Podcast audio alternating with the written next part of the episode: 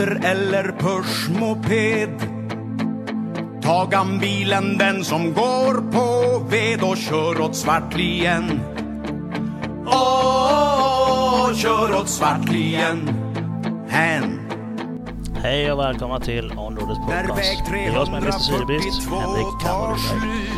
Sätt tillbaka och följ med på den här njutningen av två timmar med Nykvist Drifting Team. Nu kör vi! Du Svartlien än.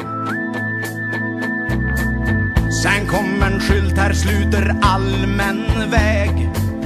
25 mil till och sen vi lover det kom du till Svartlien Åh, kom du till Svartlien Men.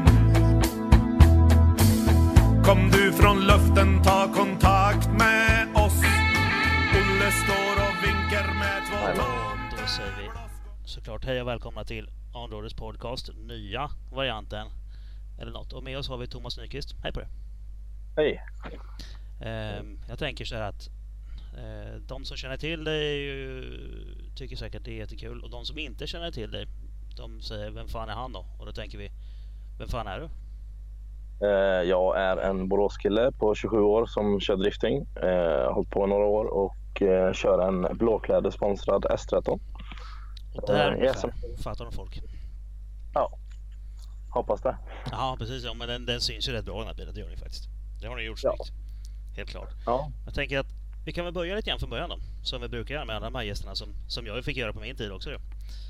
Hur, hur, hur halkar du in på, eh, på bilsport liksom? Vad hände?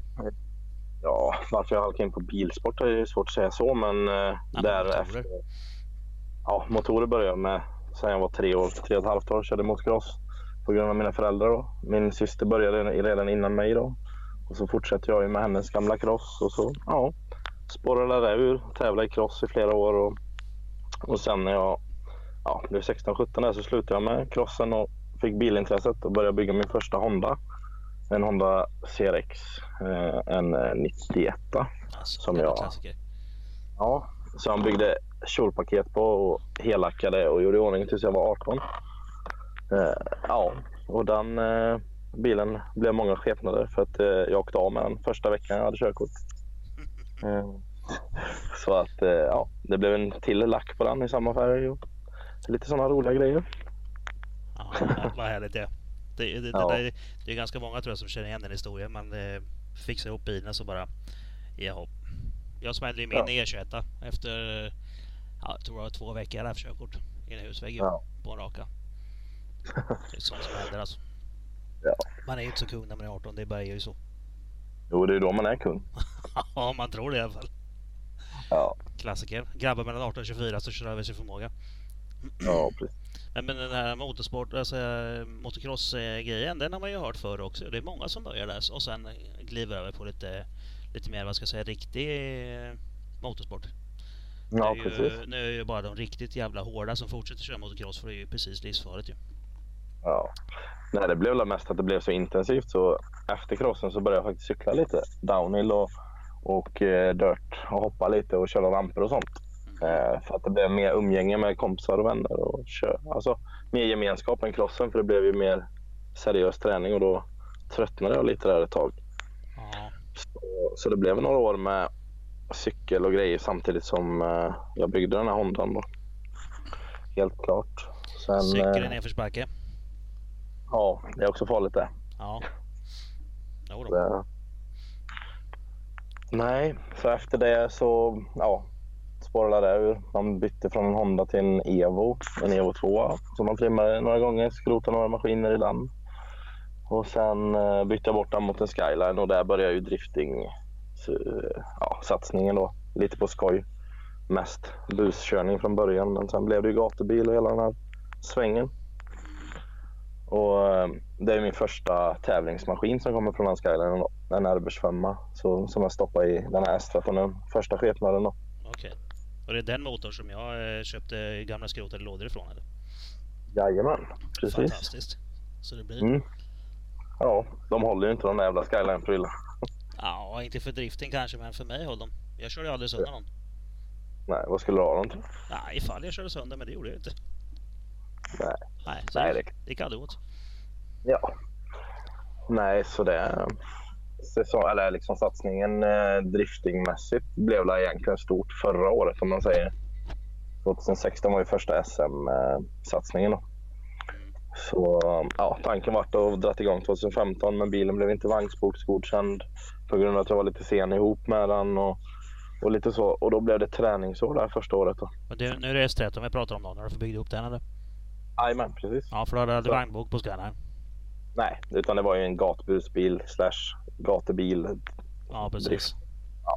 Så det blev ju liksom aldrig någon tävlingsbil av den.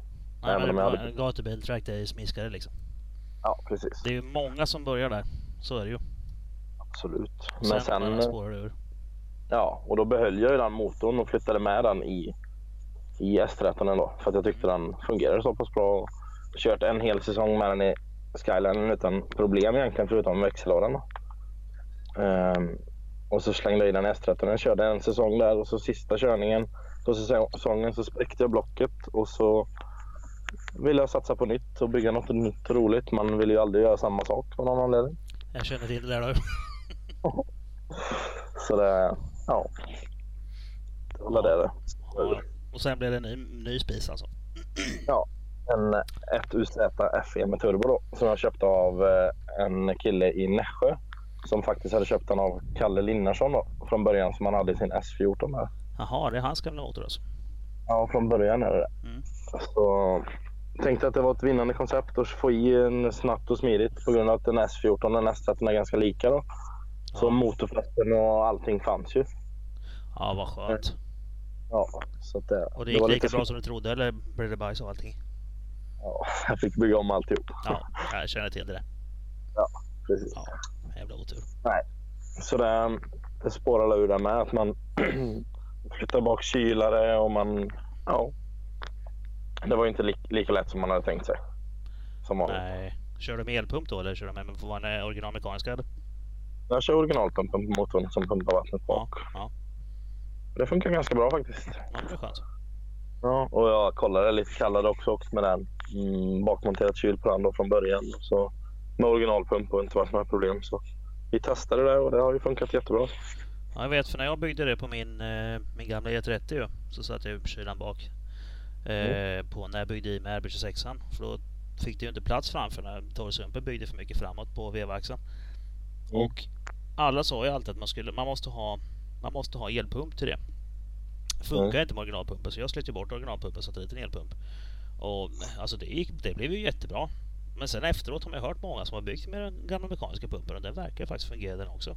Problemet är väl när man ska lufta va, tänker jag. Kan bli Ja, knepigt. precis. det är lite knepigt som vi har luftningsrör som är väldigt högt fram och så får man ju hålla på och mäckla och blåsa och trycka och hålla på för att få Ja. ut allt, allt luft. Då. Ja, jag gjorde det så att jag slog igång min eh, elpump.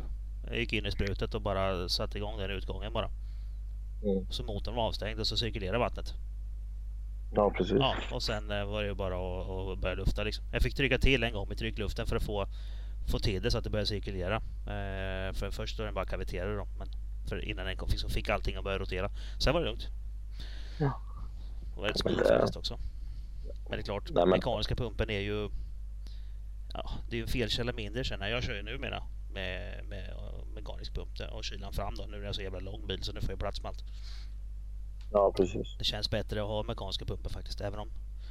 Ja, det finns fördelar med båda. Så är det ju. Absolut. Men eh, jag har inte så känt någon nackdel av den. I och för sig så har jag aldrig provat att köra elpump så, så jag har inga erfarenheter av det egentligen. Så. Nej, men å andra sidan om, det, om du inte har några problem så varför ska du byta?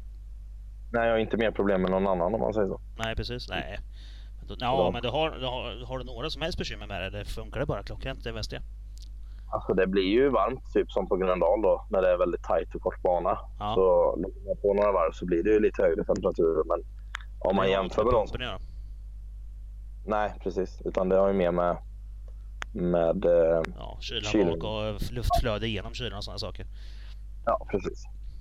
Mm. Så det är mer den biten. Och om man räknar antal varv på ja, banor kontra andra som kör så är det ju samma kylproblem om man säger. Så det är ingen konstigheter.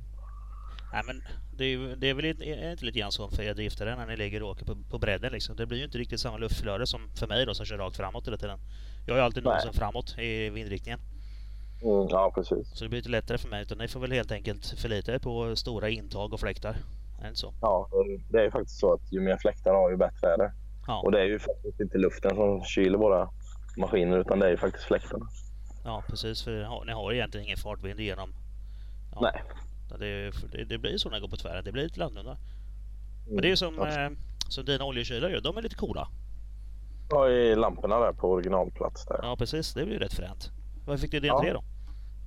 Nej, jag åkte med ett oljekyl nere i fronten om man säger vid dimljusplacering nästan eh, förra säsongen med denna motorn och eh, fick lite höga oljetemperaturer ibland när det var varmt ute. Så kände jag bara att jag vill ha fläkt och jag ska ha två kylare och jag måste ha jämntäppta hål överallt. Så att, eh, ja, då sätter vi dem där. Och så blir det snyggt också. Ja, det blir skitfränt. Så då har du alltså, det är tätt mot kylan och sen har du en fläkt på baksidan som drar igenom luft då. Jajamän. Och så har jag gjutit en glasfiberram då så att det blir som ett, eh, ja, så att det blir en snygg ram runt Ja, eh, på varje sida. Så det, det tror jag är en grej som vi kommer få se på fler bilar faktiskt. Jag tror att du kan ha startat en, en någon form av liten trend där. Ja, För att eh, många som sätter luftintag har man ju sett ju. Där lyserna ska vara till allt möjligt. Men Mm. eh, det är ju ingen som har satt kylare där och en liten oljekylare passar ju ganska bra på de flesta bilar. absolut. Det finns ju rätt så mycket olika storlekar. Mm, precis, Och, och eh, bredder och höjder och allting sånt där. Så det skulle nog, jag, jag tror vi kommer få se det på fler bilar i framtiden. Dels för att det är snyggt och sen har du ju faktiskt öppen fri luft där så du kan få in. Och så blåser den neråt typ eh, istället för bakåt mot motorn. Ja, på din gör det det. är ju perfekt. Ventilerar du ut genom husen eller hur gör du? Ja, det blir ju bara fritt. Jag är ju fri, eh, alltså helt öppna hjul som man Ja, säger. Så precis. att, Ja, det är ju bara Alla- där inne va? ja, precis. Ja. Ja men då, Så så det- då får du i och för sig är det väl säkert övertryck där i hjulhuset men eftersom du har fläkten så skickar du ner luften och sen när den kommer ner under vid bärarmen så, så sticker det ut bakom framhjulen ju. Ja, precis. Nej, det har funkat jättemycket bättre med dubbla kylare och eh, placeringen just. Samt att jag får bort eh, värmen från min eh, eh, servokylare som sitter under där. Som sitter lite längre ner. Så Okej. blir det inte lika kylarna och, och alla kylare liksom sprids ut istället. De är inte nära varken intercooler eller ja, varandra om man säger. Så att, Precis. Var har du turbon då? jag sitter framför motorn. Så det är en single turbo. Just det. Den, eh, den bråkar inte heller med med, strålningsvärme och sånt där på kylan och sånt. Eller på Nej. intercooler. Kylan har du bak men intercoolern har fram. Ja, jag är, jag är inte så direkt. Ingenting jag märker av. så Nej. Visst har jag lite höga insektstemperaturer när det är riktigt varmt ute men det är ju svårt att komma ifrån när man ligger och matar också. Ja, det är, det är ju ni Eh. driftare, ni är inte kloka ju. Ja, Ligger på illvarv hela tiden och bygger temperatur i motorn och sen har du ju inget blås som kyler den. Jag menar, Nej. vad fan tror ni? Ni är inte kloka någon ja, av er. Det är lite så. Ja. Ja, det är ju, det är ju hårt mot motorerna med, med drifting, så enkelt är det ju. ja, man plågar ju dem lite extra om man säger så. Ja, en, en sväng så det blir ju, man, när man bygger en driftingmotor, det är ju inte riktigt samma sak som att bygga en barnhetsmotor, så enkelt är det ju. Jag vet inte, jag känner att majori- majoriteten av de som lyssnar på den här podden och som, det är väl gatubilfolk som kör drifting. Mm. Och sen har vi säkert en hel del, en hel del färskingar som lyssnar som, som säkert vill ha eh, tips och sen tar säkert, ja, några av dem lyssnar säkert på er som har byggt en hel del motorer som vet hur det funkar lite grann. Men Det är ju inte riktigt som att bygga en vanlig bil. Nej, absolut inte. Det är faktiskt som en kompis säger till mig. Vi bygger motorer att åka 400 meter och det håller inte. Hur fan får ni det till att hålla när ni ska drifta hela jävla tiden? Ja, precis. Men du har ju egentligen... Är, jag brukar säga att, att en driftingbil det är en hockeyklubba. Mm. En hockeyklubba har man bara att spela hockey med. Det går inte att ha till någonting annat. Och det är egentligen samma sak med driftingbil. Den är byggd för ändamålet att drifta med.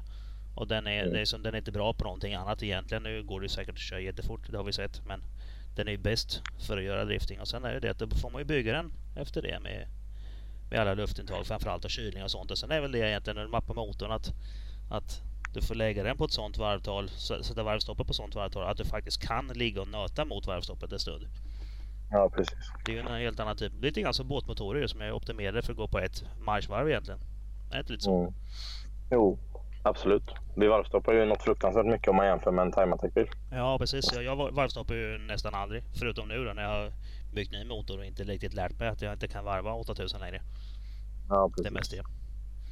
Ja, nej men det är ju det är en vanlig sak. Det var ju samma sak som att gå från en eh, sexcylindrig varvvillig motor till en V8 som hade sitt moment på 4,5 och 5000 ja. varv istället för på högsta varvtal. Liksom. Jag, känner, jag känner igen det där konceptet att byta från RB till V8. ja. Så det, det, var lite udda första varven på, på Mantorp när man hade bytt maskin och skulle ut och lära sig igen. Ja, precis. Men, det... Men sen är det när du väl har slagit loss hjulen. Då blir det en helt annan belastning på motorn egentligen. Ja, precis. Men det är ju inte som att stå som, som du sa, dragrace-killarna som åker rakt fram. De har ju full belastning på sin motor konstant. Ja. När du väl har slagit loss dina hjul, då är det inte så jävla tungt för motorn längre utan då ska den bara hålla skiten spinnandes. Ja. Ja, och det är ju inte riktigt samma sak. Så att då, då blir det inte, det blir inte samma, vad ska jag säga, cylindertryck på samma sätt som det blir på en sån bil. Men däremot så måste den hålla för att, för att ligga och tomvarva så som ni gör. Det är inte alls lätt att få det att funka. Nej, det är ju lite plågande om man säger också. Ja, verkligen. Det måste vara mycket underhåll. Ja, ja. det kan man lugnt. ja, härligt. Ja. Jag vet inte, vi ska inte glida in riktigt än på, på eh, senaste bravaderna. Jag tänker att vi kan väl eh, vi kan väl börja lite grann tidigare med, med säg, säg så här, din första, första riktiga tävling. Mm. Hur gick det till? Kändes det och funkade bra och sket i byxan när det hände? Ja, vad ska man säga? Det var ju första riktiga tävling var förra säsongen i SM-serien eh, på Mantorp. Eh, ja, i princip nybyggd bil, ja, nybyggd motor. Ja, allt var nytt om man säger. Mm. Allt var modifierat och köpt nya däck och ja, allt kändes kanon när man kom dit. Mappat samma dag som vi åkte upp. Skulle köra dagen Ja, och hade lite problem med kylningen för vi hade satt dit eh, sugsidan på fel sida med vattenrör och grejer. Så vi hade lite problem med bänken med att han tryckte ut vatten. Eh, och eh, det löste vi på Mantorp då och började få lite fart där. Hade problem med vart momentet låg i bilen och, och få grepp och liksom få allting till att lira. Men började få lite fart men riktigt missnöjd med däcken jag hade fått tag i. Det var ett par Sunny-däck som bara sprutade däckslamsrom och fick inte ner något fäste i bilen. Och, ja. Så i helheten var det egentligen inte så jätterolig. men eh, det kändes bra att vara igång och tävla. Eh, tävlat mycket i cross och själva tävlingsmomentet kände man ju igen och trivdes med liksom och ja, nerverna kändes ändå stabila om man säger. Mm. Så det, det, var skitkul att vara ute på banan och försöka fightas mot de andra liksom. Eh, kommer inte riktigt ihåg hur det gick den tävlingen. För det var så mycket annat som var, var på farten då. ja, det är det svåraste strula. Ja. Men eh, ja, nej, det kändes skitkul att vara igång liksom och satsa hela den säsongen på att tävla. Sen, eh, sen gick det vidare och då blev ju Gröndal inställd på grund av några buller och kommunproblem där. Ja, det var den ja. Ja. Ja, vad tråkigt det var. Ja, det var riktigt tråkigt. Det var något eh, avtal som inte hann skrivas på i tid eller något sånt där, var det inte det? Inte en blekaste aning, men jag vet att Jag tror att uh, Dennis gjorde väl en podd där han pratade med han uh, som har bana ju, om det där. Mm. Jag tror att de diskuterade om det där, kommer jag ihåg. Och då var det, mm. det var någonting, det, det, var, allting var väl egentligen klart, men det var någon, någonting som de inte hann att få något, något papper som inte hann att bli färdigskrivet eller någonting innan det var dags för race. Så att, då valde de att att ställa in det i lite grann i god tid så folk skulle ha tid på sig att göra någonting riktigt istället. Ja, precis. Så att det blev pannkaka av allting och det tyckte jag väl var smart gjort. Faktiskt. Ja, absolut. Och det är ju bättre att man kan ha vidare tävlingar där än att sätta sig i skiten på grund av en tävling. Precis, det är det inte värt. Vi får vara rädda om våra banor, vi har inte så många tyvärr. Nej, precis. Men det är gott om eh, gnälliga gubbar och tanter. Oj, ja. Tävlingen efter det då? Vad hände så? Funkar det bättre? Ja, det beror på hur man ser på det. Men sen blev det ju lite gatubil och lite så. Och så kommer vi till Norge, Rudskogen där jag ska köra Super 3. Då börjar kopplingen ge upp i träningen och eh, vi får bryta den. Körde ihop med bröderna Johansson där då. Så de fick låna in en kille att köra kvalet med på grund av min koppling då. En Tilton 2 Tilton 2 skivor rallykoppling. sen eh, ja, så löste det sig att vi fick upp prylar och det så vi körde hela den helgen och bilen började lira bättre och vi hade med oss lite Kumo R-däck då. Semidäck och lekte lite på och då började vi få riktigt brutalt fäste i bilen och det började gå riktigt fort på, på banan då. Så då kändes det ju kanon. Liksom. Bilen funkar, allting funkar. Vi ska vidare på nästa SM i Sturup. Och eh, började köra där.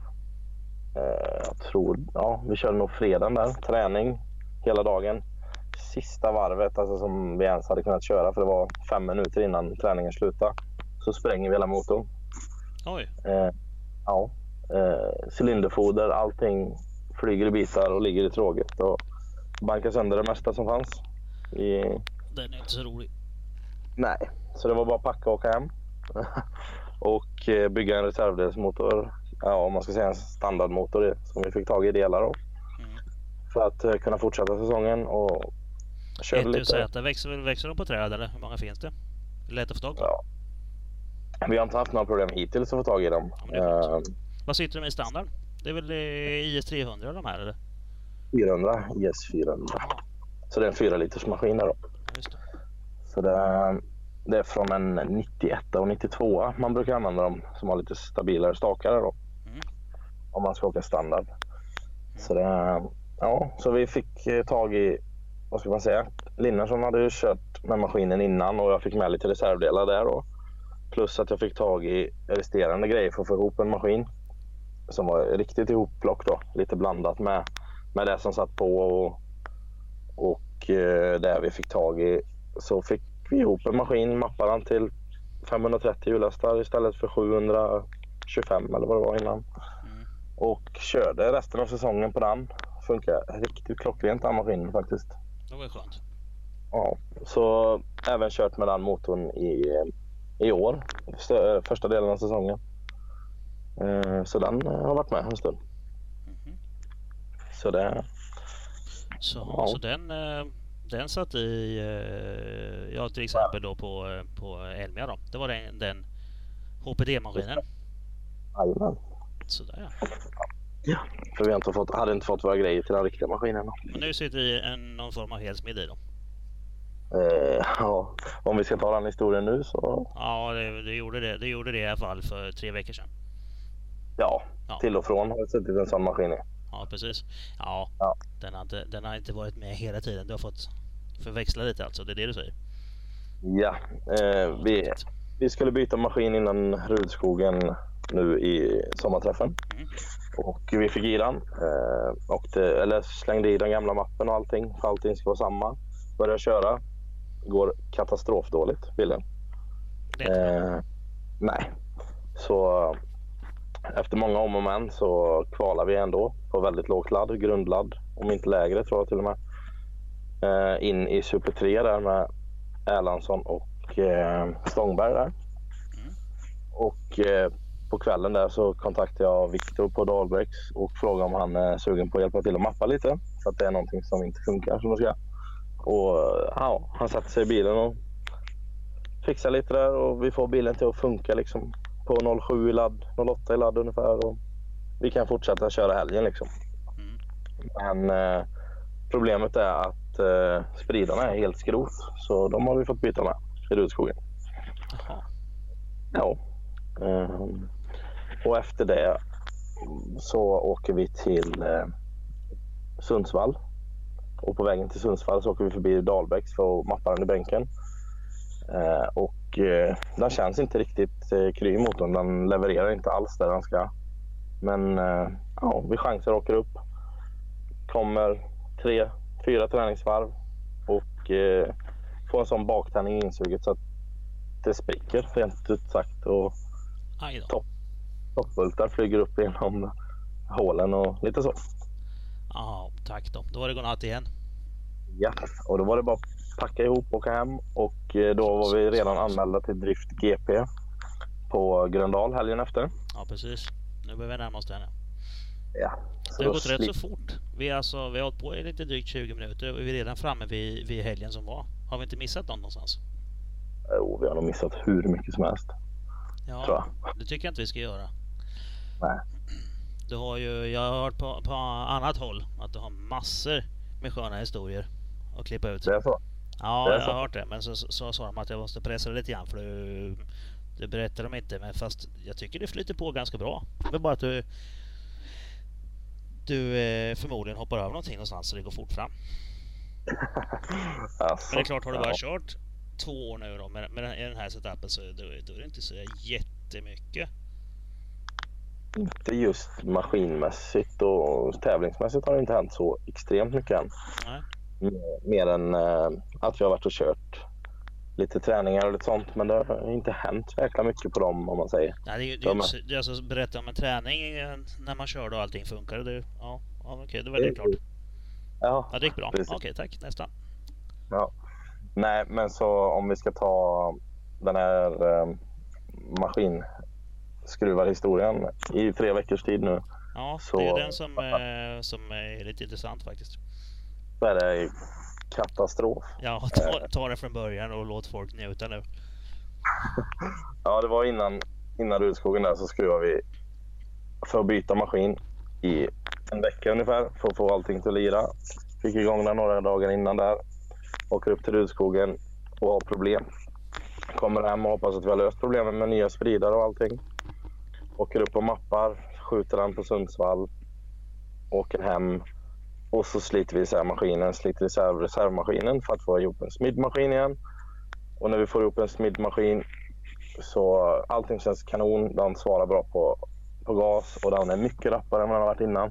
Så vi misstänker att vi har fått ihop någonting fel med den andra maskinen helt enkelt. Just det. I stressen. Ja.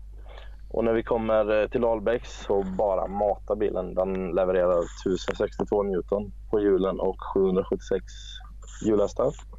Så att eh, nu börjar den leverera där den ska. Och den känns grym, helt enkelt bilen. Vad hade du för laddtryck då? Eh, 1,6 som rampat till 1,8 i slutet då för att hålla, bibehålla vridmomentet på, på varv om man säger. Sen, eh, ja, den eh, spolar fint och max effekt, eller maxvrid vid 4 och 4. Så att vi har ju bra register där. Mm. Och bra arbets, ja, vi har alla 2002, 2000 300 varv att jobba på. Med maxeffekt i, i princip, om man säger. Ja, det är fint. Så vi har ju, då har du en växel där ju. Ja, och hämta lite. Man har lite att hämta hem på och man kan kugga upp en växel och lägga riktigt duktigt med rök också. Mm. Ja, och sagt och gjort. Kändes skitbra. Lastar den, åker till Gröndal på torsdagen där. Kommer upp, packar upp allting. Känns riktigt fint att ha en bil som har mycket med mos och vi har Westlake-däck Westlake däck med oss och ja, vi ska åka fort tänkte vi. Japp. Ja, i två varv. Så då smälter vi en kolv på 8 cylinder. Två varv på Gröndal. Det är inte så långt. Ja. Nej. Nej. Och, då, um, och då sliter vi ju egentligen av toppen först för att vi tror att vi har eh, ingen komp på 8 cylinder. För det är noll. Det är blankt noll på kompproven. Ja, vad tråkigt det Tänker att det har hänt någonting med ventilerna på...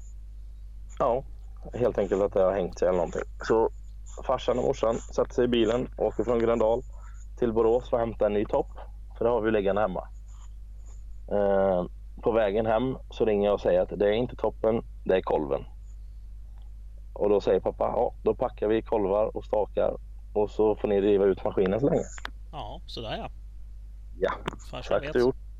Ja, då slet vi ut maskinen på kvällen där i väntan på nya prylar och eh, ja, under natten där så byter vi kolv, pottencylinder, slänger ihop alltihop och får det till att lira.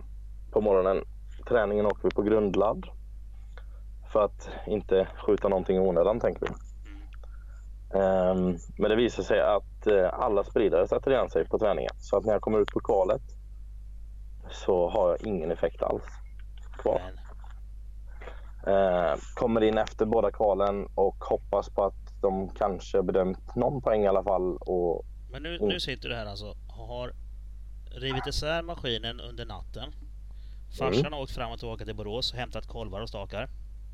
När jag smält ihop maskinen i depån och det vet vi hur det ser ut när man ska mecka en depå. Det är ju inte riktigt som att vara i en ren fin verkstad. Nej, precis. Nej. Och folk kommer och tittar och, och hejar ropar och dricker öl och så här. Nu är det inte riktigt samma stämning kanske som på gatubil just när man är på SM, men ändå. Eller på GP här nu. Ja. Men, men alltså, då är man ju lite trött efter kan jag tänka. Lite smått så. Ja, en Kanske glömmer. trött. Ja, och så åker man ut och känner att fan det funkar. Yes! Och då mosar man igen alla spridarna. Ja. Alltså, Så att, det, Den är- går det som en fiskebåt kan jag tänka. nej. Jag skulle på första, på första kvalrundan så ska jag värma däcken och jag kände bara att man orkar inte ens loss på tvåan. Man brukar orka loss på trean och fyran när man Ja. värmer däck. Och tänker Har nu du ingen, har eh, har du ingen eh, lambda-kontroll på den så du kan titta på? Absolut, men eftersom alla spridare sätter igen sig lika mycket så korrigerar den det rätt fint. Ja. Så, så att han gick ju bara rent ut sagt pissdåligt. Ja, Och, ehm, inga konstigheter i loggen förutom att det är dåligt med effekt. Jaha, det såg jag inte på... Det, det, men, om du, men om du har ett bra lambda-värde så kan du inte tappa effekt tänker jag.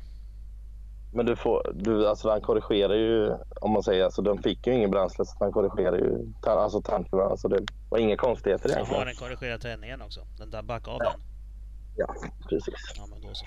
Så det var inga konstigheter, inga lean power cuts, ingenting. Mm. Och så kommer vi in i depån efter de här två kvalreporna och, och så tänker jag att den ena repan kanske jag kommer ifrån att jag inte rakkörde. För att jag gjorde allt jag kunde för att inte rakköra. Så vi letar efter ett fel fall vi har kvalat vidare ändå för att det var så många som nollade om man säger. Mm. Eh, och eh, ja, vi river spridarna och kollar spridarfiltrerna och eh, det går inte ens blåsa igenom dem. Oh. Så, så att eh, byta, byta dem och starta bilen och den låter som en dröm igen helt enkelt. Skönt. Ja, men som sagt noll på båda reporna och ingen mer körning den helgen. Ja, det var ju tråkigt. Ja, så det var lite, lite tråkigt men vi gjorde verkligen allt, allt vi kunde för att försöka komma på banan. Ja. Så att, eh, det känns bra ändå om man säger så. Men så status just nu är att bilen funkar. Ja, Så för Precis. nästa tävling så finns det hopp om livet. ja hopp om bilen om inte annat. Ja, precis. Ja, det är väl samma sak. Ja. Nej, Men hur kommer det sig att den satte igen sp- speederfiltren då? Eh, vi har kollat lite och det känns som vi har fått in gummipartiklar eller så här Mm. däckröksgummi i tanken genom avluftningen eller något liknande. Då. Ja, Så- tråkigt. Det är slemmig svart eh, sörja som är i spridarfiltren. Men du, eh, filter och sånt? Alltså, Ja, det finns men inte tillräckligt antagligen. då får du alltså eh, köpa ett finare filter helt enkelt. Ja, så vi ska ju dit med lite större filter, efterpumpar och vi ska, ja, vi ska fixa det mesta kring filtersystem och spolar, slangar och rör och grejer till bränslet nu innan Sturup då som är 11-12 augusti. Ja, det är bara två veckor kvar. Ja, men det, det är ju lite att skruva om man jämför med vad vi har haft att göra nu. Ja, jo, du slipper ju riva sig hela motorn. Ja, precis. Du behöver inte sätta fram momentnyckeln när du ska bygga dit ett bränslefilter. Nej, nej absolut. Nej, så det blir lite bränslemäck där och lite rengöring och lite så. Annars eh, står bilen redo. Det är ju skönt. Absolut. Sådär. Eh, ja. Ja, men det känns ju som ni har fått, eh, fått, eh, fått någonting att lira i alla fall. Synd bara att det är, att det är de här... Att det just ska till ett tävlingstillfälle innan det ska hända någonting och sen ska man fixa det och så... Hade man haft obegränsat med pengar och bantid så hade man kunnat testa allt det där innan ju. Precis. Och eh, bara att man... eh, Det kändes ju så klockrent när bilen funkade för en gångs skull i bänken. Alltså utan strul. Det var en vakuumslang som blev för varm och ville släppa i en sån eh, pneumatisk koppling. Då. Okej. Så där monterade vi ett rör och så var det färdigt. Annars Precis. har det ju inget strul som helst i bänken. Och hade det börjat i bänken så kanske vi hade löst problemet för helgen också. Vad tråkigt. Ja, och det är ju en av anledningarna till varför vi tror att kolven smälte också. Då. Att en av spridarna satte igen sig så in i helskotta mycket mer än de andra från början. Då. Ja, precis. Så tappar du, tappar du bränsle där så smälter det kolven. Ja, och sen eh, dagen efter då, när vi åkte lite lägre effekt och inte behövde utnyttja spridarna fullt ut så klarade de att hålla. Och sen gav de allihop upp om man säger. Ja, precis. Mm. Ja, vad trist sånt där är. Ja, det är också en eh, sån här lär- driftinggrej som folk, eh, normalt folk inte tänker på. Och inte, inte driftare som inte råkat ut för det egentligen heller. För den här gummiröken, det är ju gummi. Ja, Det blir ju en svart absolut. sörja, även i lungorna. Det är inte så heller så jävla hälsosamt kanske. Nej. Men eh, Men det är klart, när det tar sig in där så ja, det går åt att ha riktiga filter på, på grejerna. Även tänker jag insugningsfiltren för den där röken är nog inte så jättebra att gegga igen i insuget med heller. Nej, precis. När det blir riktigt kladdigt, den jävla eh, gummi, gummipartiklarna. Ja. När de löses upp av E85 och, eh, 85 och, och hela den här biten också. Ja, det vet vi att E85 är ganska aggressivt. Och sen då om det, är, om det är när det är rökpartiklar bara, då är de så små så då blir det säkert bara som du säger, en smet. Ja, verkligen. Fan vad tråkigt. Det, ja, så det blir någon fin avluftning på... Ja, nu har jag en sån här, vad sen heter de? Jazztank 35 liter eller något. Mm. Som har sån avluftning original där på locket. Ja. Så den ska vi sätta den och så bygga en extern avluftning med något lite större filter där med då. Ja, precis. Fungerar lite bättre då, som inte suger i sig på det sättet. Har du inbyggd catchtank i den också då? Nej, jag åker utan catchtank okay. faktiskt. Ja. ja. Men det funkar? Det funkar. Ja, faktiskt. Ja. Åker, uh, har på, aldrig haft problem. Har du intankpump eller har de på utsidan?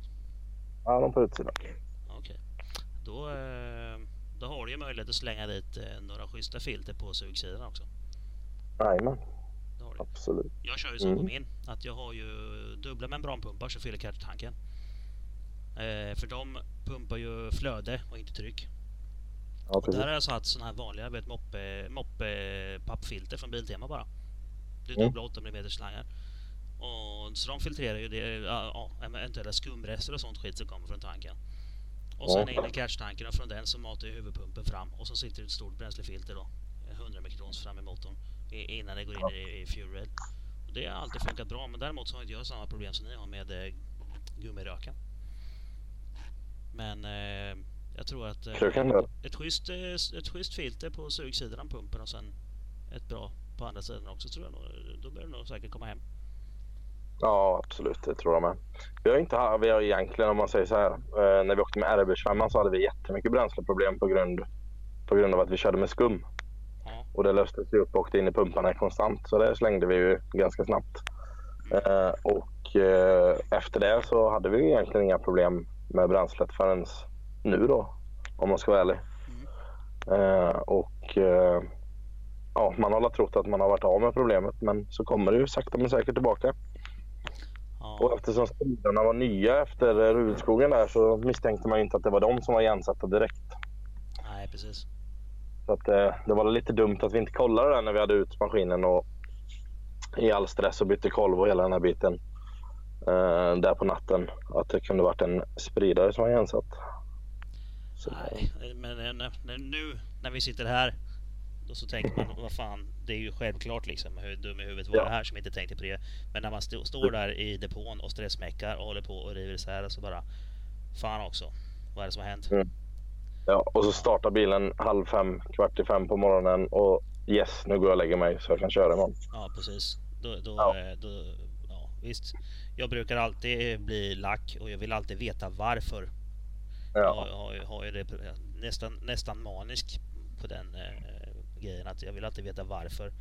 Har det gått sönder så vill jag veta varför. Inte bara vad som har hänt utan jag vill veta varför det har hänt.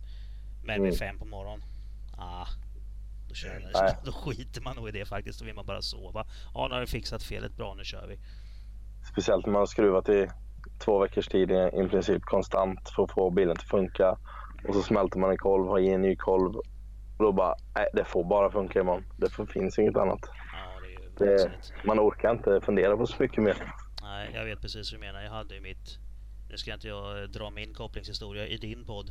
Men jag hade ju ett sånt strul innan mappningen, innan första racet med koppling hit och dit. Så jag fick riva av och upp och ner. Och, mm. Ja, tre, fyra gånger. Alltså det var helt hopplöst. Så jag vet hur det känns. Det är inte kul det där. Nej, Nej koppling, kopplingar har vi bytt många kan jag säga. Jaha. Vad kör du för låda? Vi, vi kör en 530 diesellåda, en sexväxlad. Ja, 53 DZ. Jajamän. Så den, ja, men den, har, den har funkat fint. Men eh, kopplingen har ju ätits upp, om man säger så. Eller lamellerna om man säger. Mm. Plus att mellanskivan har blivit så varm så att den har fastnat i korgen. Sådär ja, floaterdisken har, smäll, alltså, har, har låst sig? Ja, nypt fast så att eh, ja, den har liksom, man får liksom volda ur den för att få loss den ur korgen ibland. Men eh, den är inte sned då? Nej, ingenting som vi har sett. Vi har ju mätt dem och vi har haft... Har ni mätt upp alltså på, på planbord och grejer så att den är helt rak? Ja, och vi har två stycken eh, tryckplattor, två stycken olika floater disks och eh, ja, olika så, så, att vi kan byta när vi är iväg. Och båda beter sig likadant. Tills nu när vi svarvade av eh, svänghjulet och glasblästrade det i med nya floaters och nya lameller och nu verkar det lira. Vad skönt. Ja, det var precis, precis det, det bekymret som jag hade på min också. Jag hade ju en lamellkorg som var för treskivig men hade då den här tvåskiviga rallykoppingen. Ja. Och den blev ju tjockare. Så att eh, jag hade ja. överspänt min lamell. Eller min, min tryck, tryckplatta. Ja, precis. Så det gick ju inte heller. Men det är, det är lite lurigt det där. Det är, det är inte bara att smälla upp skiten. Man måste... Du har, men då, har du svarvat om eh, inspänningsmåttet på den då när du höll på med det där eller? Alltså, du menar när vi... Nu när du glasbläste och fixade och gjorde och allting? Nej, då svarvade vi det så som det var från början. För det är Tilton svänghjul med Tilton... Eh, vad heter den? Har den starkaste tryckplattan där, mm. tvåskiviga. Och... Eh, det är den som är gjord för de tvåskiviga emellan då?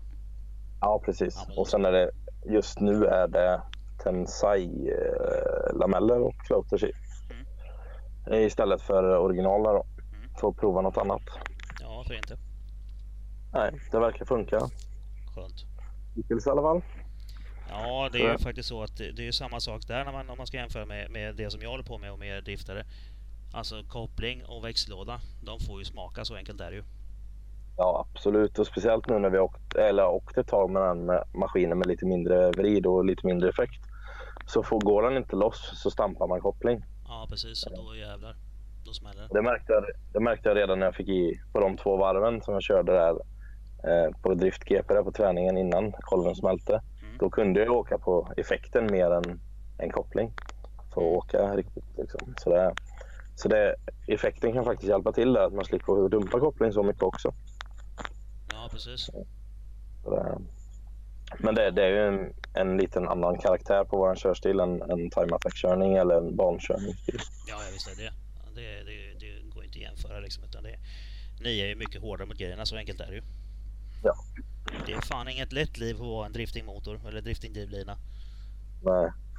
Nej, och sen eh, det har vi också bytt, uppgraderat lite sen förra säsongen. Bakaxeln där åker vi en M3 E46 diff mm. med 350Z drivaxlar istället för S13 original. Där du original, alltså M3 E46, hade du, hade du standard eh, diffbromsar ändå? Ja, det åker jag med nu. Jag har åkt hela denna säsongen nästan. Hur tycker du det funkar? Funkar klockrent. Har du byggt om den något eller kör den original? Original. Okej. Okay. Du, vet, vet, du vet vad det är för typ av eh, broms där eller? Ja, lamell. Nej, inte E46. Inte, inte E46. E46 har en, eh, en form av viskokoppling. Mm. Med en, eh, en, eh, ska man säga, det är alltså det är en, som en liten oljepump helt enkelt som, som drivs av skillnadsvarvtalet på medbringarna. Mm. Som, och den, den är som de säger, den är mycket, mycket smidigare att ha när man kör gata för att den, den nöts inte på samma sätt som en, lamell, en, en ramplameldiff blir ju nött och måste ha underhåll på ett annat sätt. Den här håller bättre för gatkörning. Men folk säger att den är rätt så dålig att köra bana med. Men det finns en, en hel del sköna uppgraderingskit som man kan göra och man kan modda den så den funkar bra säger de. För jag tycker den har fungerat helt klockrent. Jag var lite orolig att inte den skulle fungera eftersom eh, ja, enhjuling är ju inte riktigt eh, kul att åka driftingbil. Ja, det är värdelöst på driftingbil. Men eh, det är ju, nu är vi där igen. Det är inte riktigt samma sak att köra bana som att köra drifting. Tydligen verkar det funka till det då. Ja, jag tycker alltså om man jämför. Jag har åkt svetsad S13 diff med S13 drivaxlar. Ja, fast... Och det har ju funkat klockrent. Men jag har dragit av drivaxlar på löpande band. Ja, det är klart du gör med svetsat.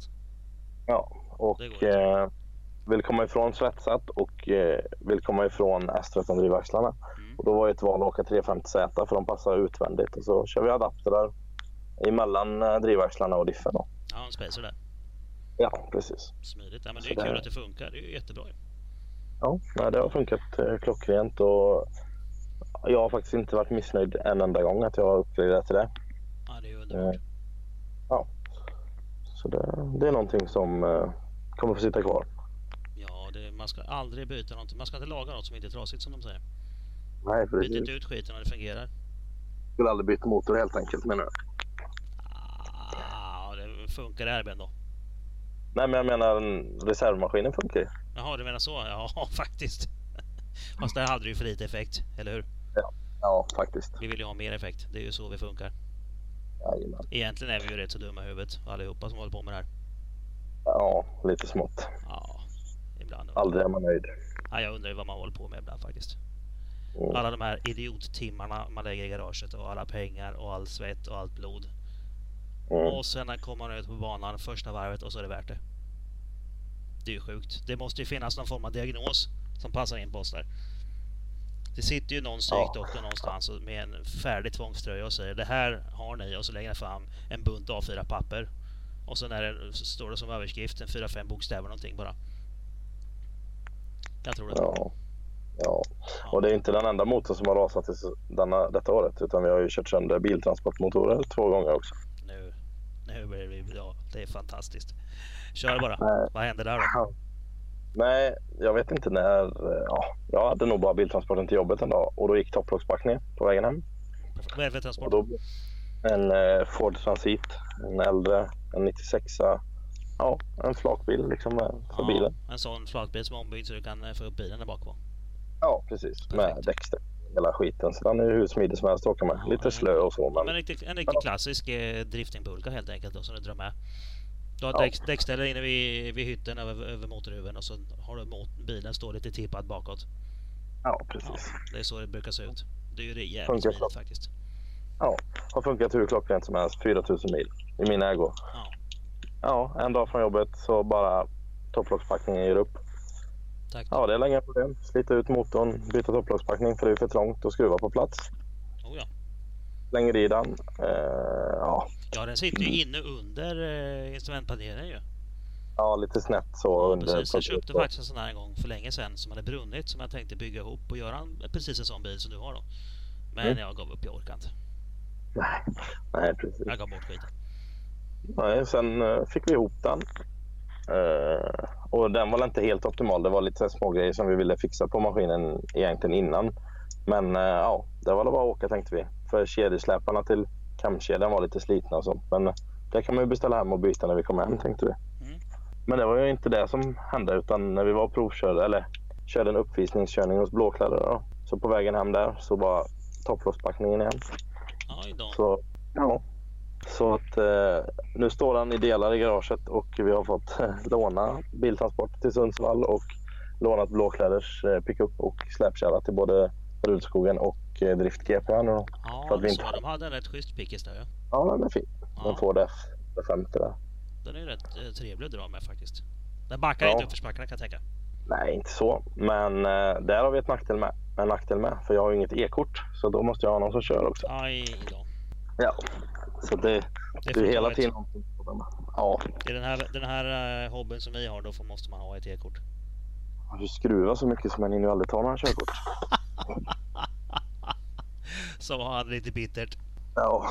Ja, det är fantastiskt. Vet du vad vi ska göra här? Nu ska vi ta en, eh, en kort hissmusikpaus för att eh, eh, helt enkelt för att det behövs. Så att eh, nu kommer vi klippa in det och så får vi se vad som händer.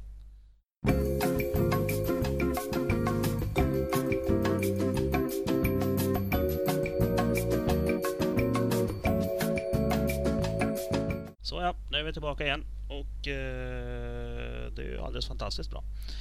Så, då var vi, vi var på det att du körde med, eh, du fick låna helt enkelt, dragbil.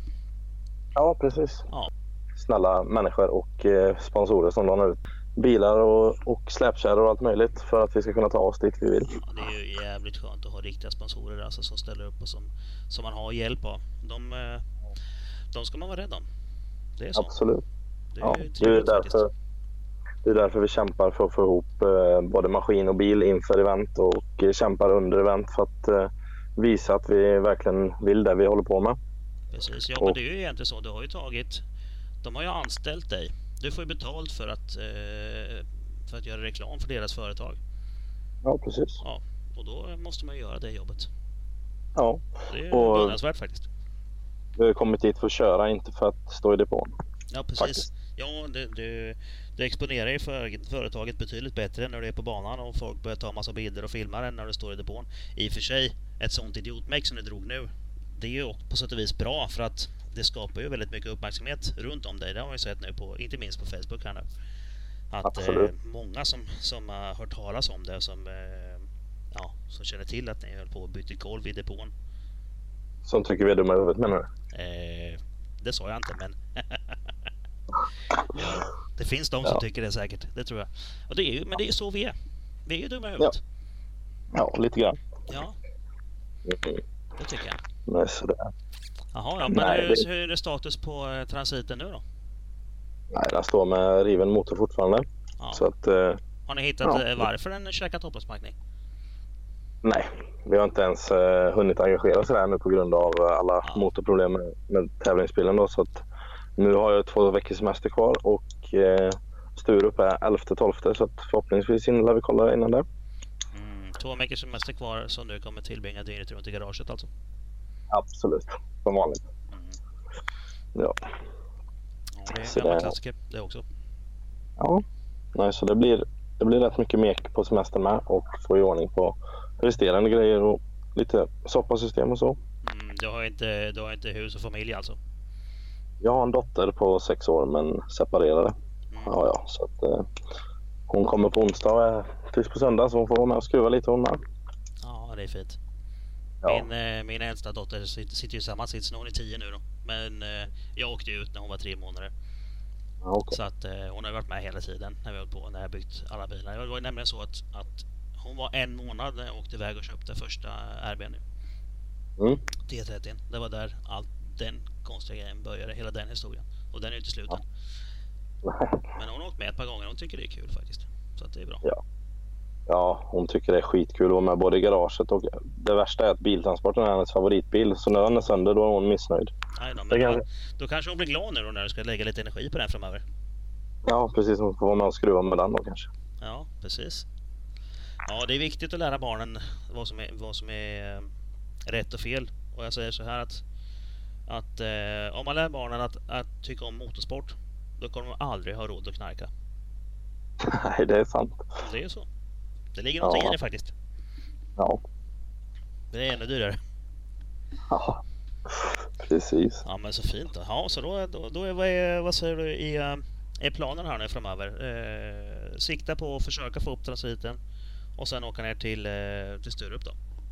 Ja, Sturup ska vi oavsett vad vi åker med. Det spelar ingen roll. Men eh, förhoppningsvis så är det eget ekipage och allting ska fungera. Och eh, ja, vi satsar på att köra fort på, på Sturup. Det är en av mina favoritbanor också. Mm. Riktigt rolig bana att och, eh, drifta på. Som med krönet och hela den här biten. Ner där eh, mot hårnålen och det. Så det, det, är en, det är en bana med karaktär om man säger så. Som... Eh, mm, så det, det ser jag fram emot. Jag har faktiskt aldrig varit på den banan. Nej. Men eh, jag har sett lite bilder och sådär. Men eh, har, du, har du sån pass studs så att du känner att du lättar lite grann? Du tappar vikt liksom över krönet? Ja, alltså det som är spe mest speciellt med just driftingen över krönet är att du måste kasta precis i ögonblicket du går över. Mm. Så att eh, känn, alltså det blir ju ingen riktig... Du har inte den traction mot asfalten som du har normalt när du Nej, kastar. Precis. Men då tappar du ju vikt över krönet där alltså. Då har du inte ett fullt grepp där. Nej, utan Nej. du tappar ju och sen när du, när du landar lite om man säger så... Så komprimerar du... allting och då greppar det till ordentligt. Ja, och så skickar du över åt andra hållet och så är det helt annat fäste där nere än vad du fick där uppe. Så det, det är karaktär på den banan. Kul. Det blir lite mer svårkört och tekniskt då ju. Absolut. Och sen, eh, ja. Nej, det är en riktigt rolig, rolig bana överlag. Speciellt eh, de andra sektionerna mot vad man kör på tävlingsdrifting. Mm. Så är ju hela banan en liten berg och dalbana om man säger. För det är ju upp och ner och mycket hårnålar och kurvor upp för in mot depån där med. Mm. Så hela banan är en, en riktigt grym bana. Kul ju. Mm. Ja, det är bra när det blir lite tekniskt och lite skojigt. Absolut. Så lite fin banläggning på det så blir det riktigt skoj. Ja, precis. Ja, just det. Hur de placerar ut klippen på och sånt där. Mm. Ja. Det spelar ju rätt stor roll med. Och och det, men det brukar de vara duktiga på. Så. Ja, det bekymret har inte vi heller som kör bana utan vi följer bara själva bansträckningen. Ja. Ni kan ju faktiskt göra om banan hur, hur, hit och dit lite grann och vart man sätter. Ja, nej det kan de ju ändra från tävling till tävling. Ja. Bara om det ska vara inneklipp eller ytterklipp eller zoner eller ja, de får egentligen ändra vad de vill och var de ska börja och sluta bedömning och så vidare. Så, mm. så det kan de ju ändra. Så, det. så vi vill ta lite revansch på Sturup då eftersom vi rasade motorn förra SM där. Ja, det förstår jag. Vad jobbigt. Mm. Men då eh, ja. hoppas på att det håller den här gången då och ni får köra ordentligt. hoppas vi. Du måste ha en bra crew med dig som håller på och river och sliter allting för det här gör du ju inte själv. Nej precis, det har jag många mekaniker till och en pappa som ställer upp och ja, vänner och de flesta liksom kämpar med mig. Jag är inte ensam någonstans om man säger så.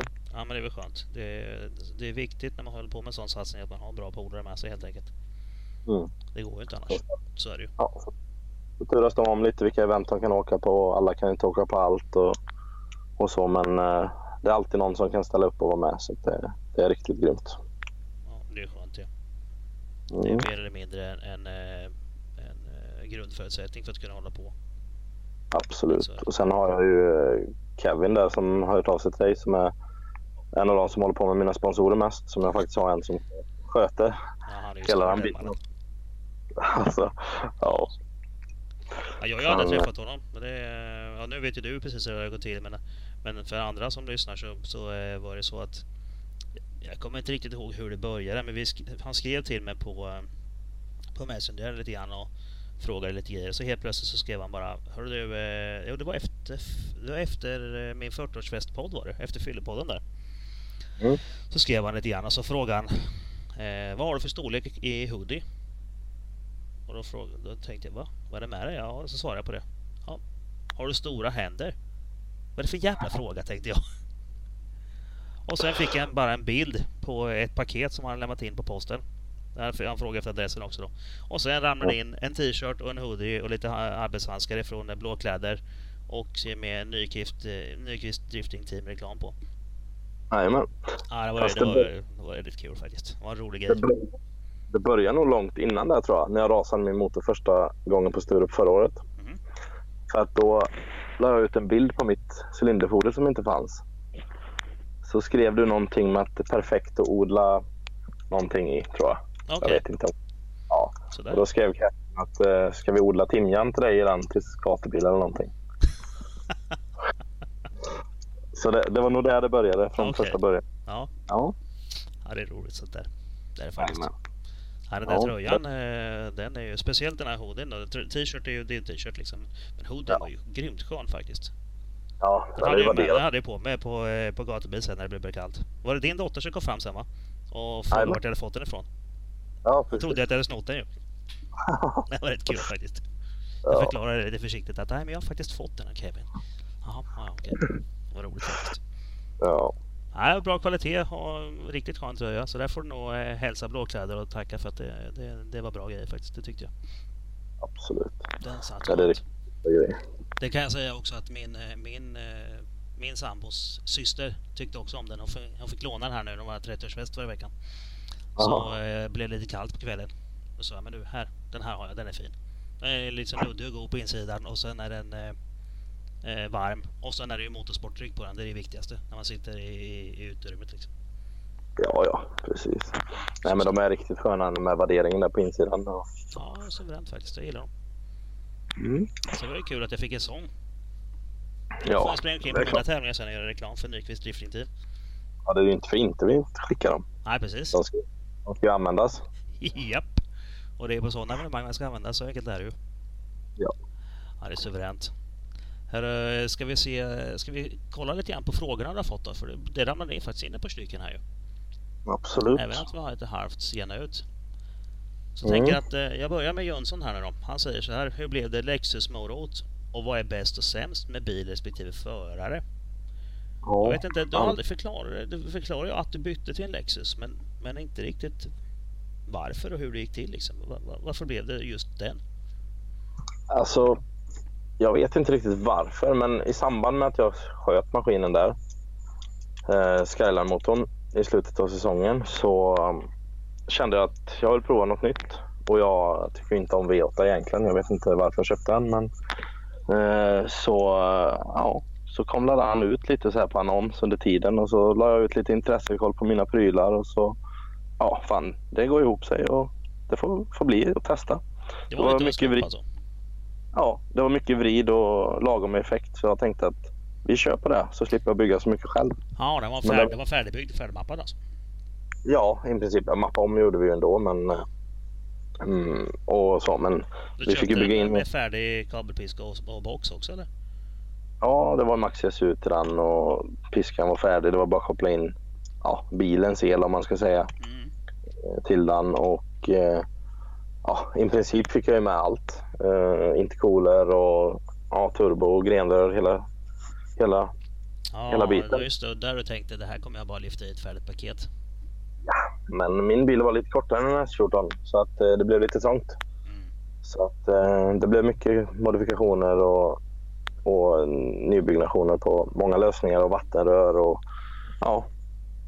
Så, så det var inte bara men sagt och gjort. Den var i och den var igång till säsongen och allt var färdigt. Så att eh, det gick ju som planen ändå. Ja precis, bara att det blev ungefär tre gånger så mycket jobb och dubbelt så dyrt. Ja, ungefär så som vanligt. Jag vet.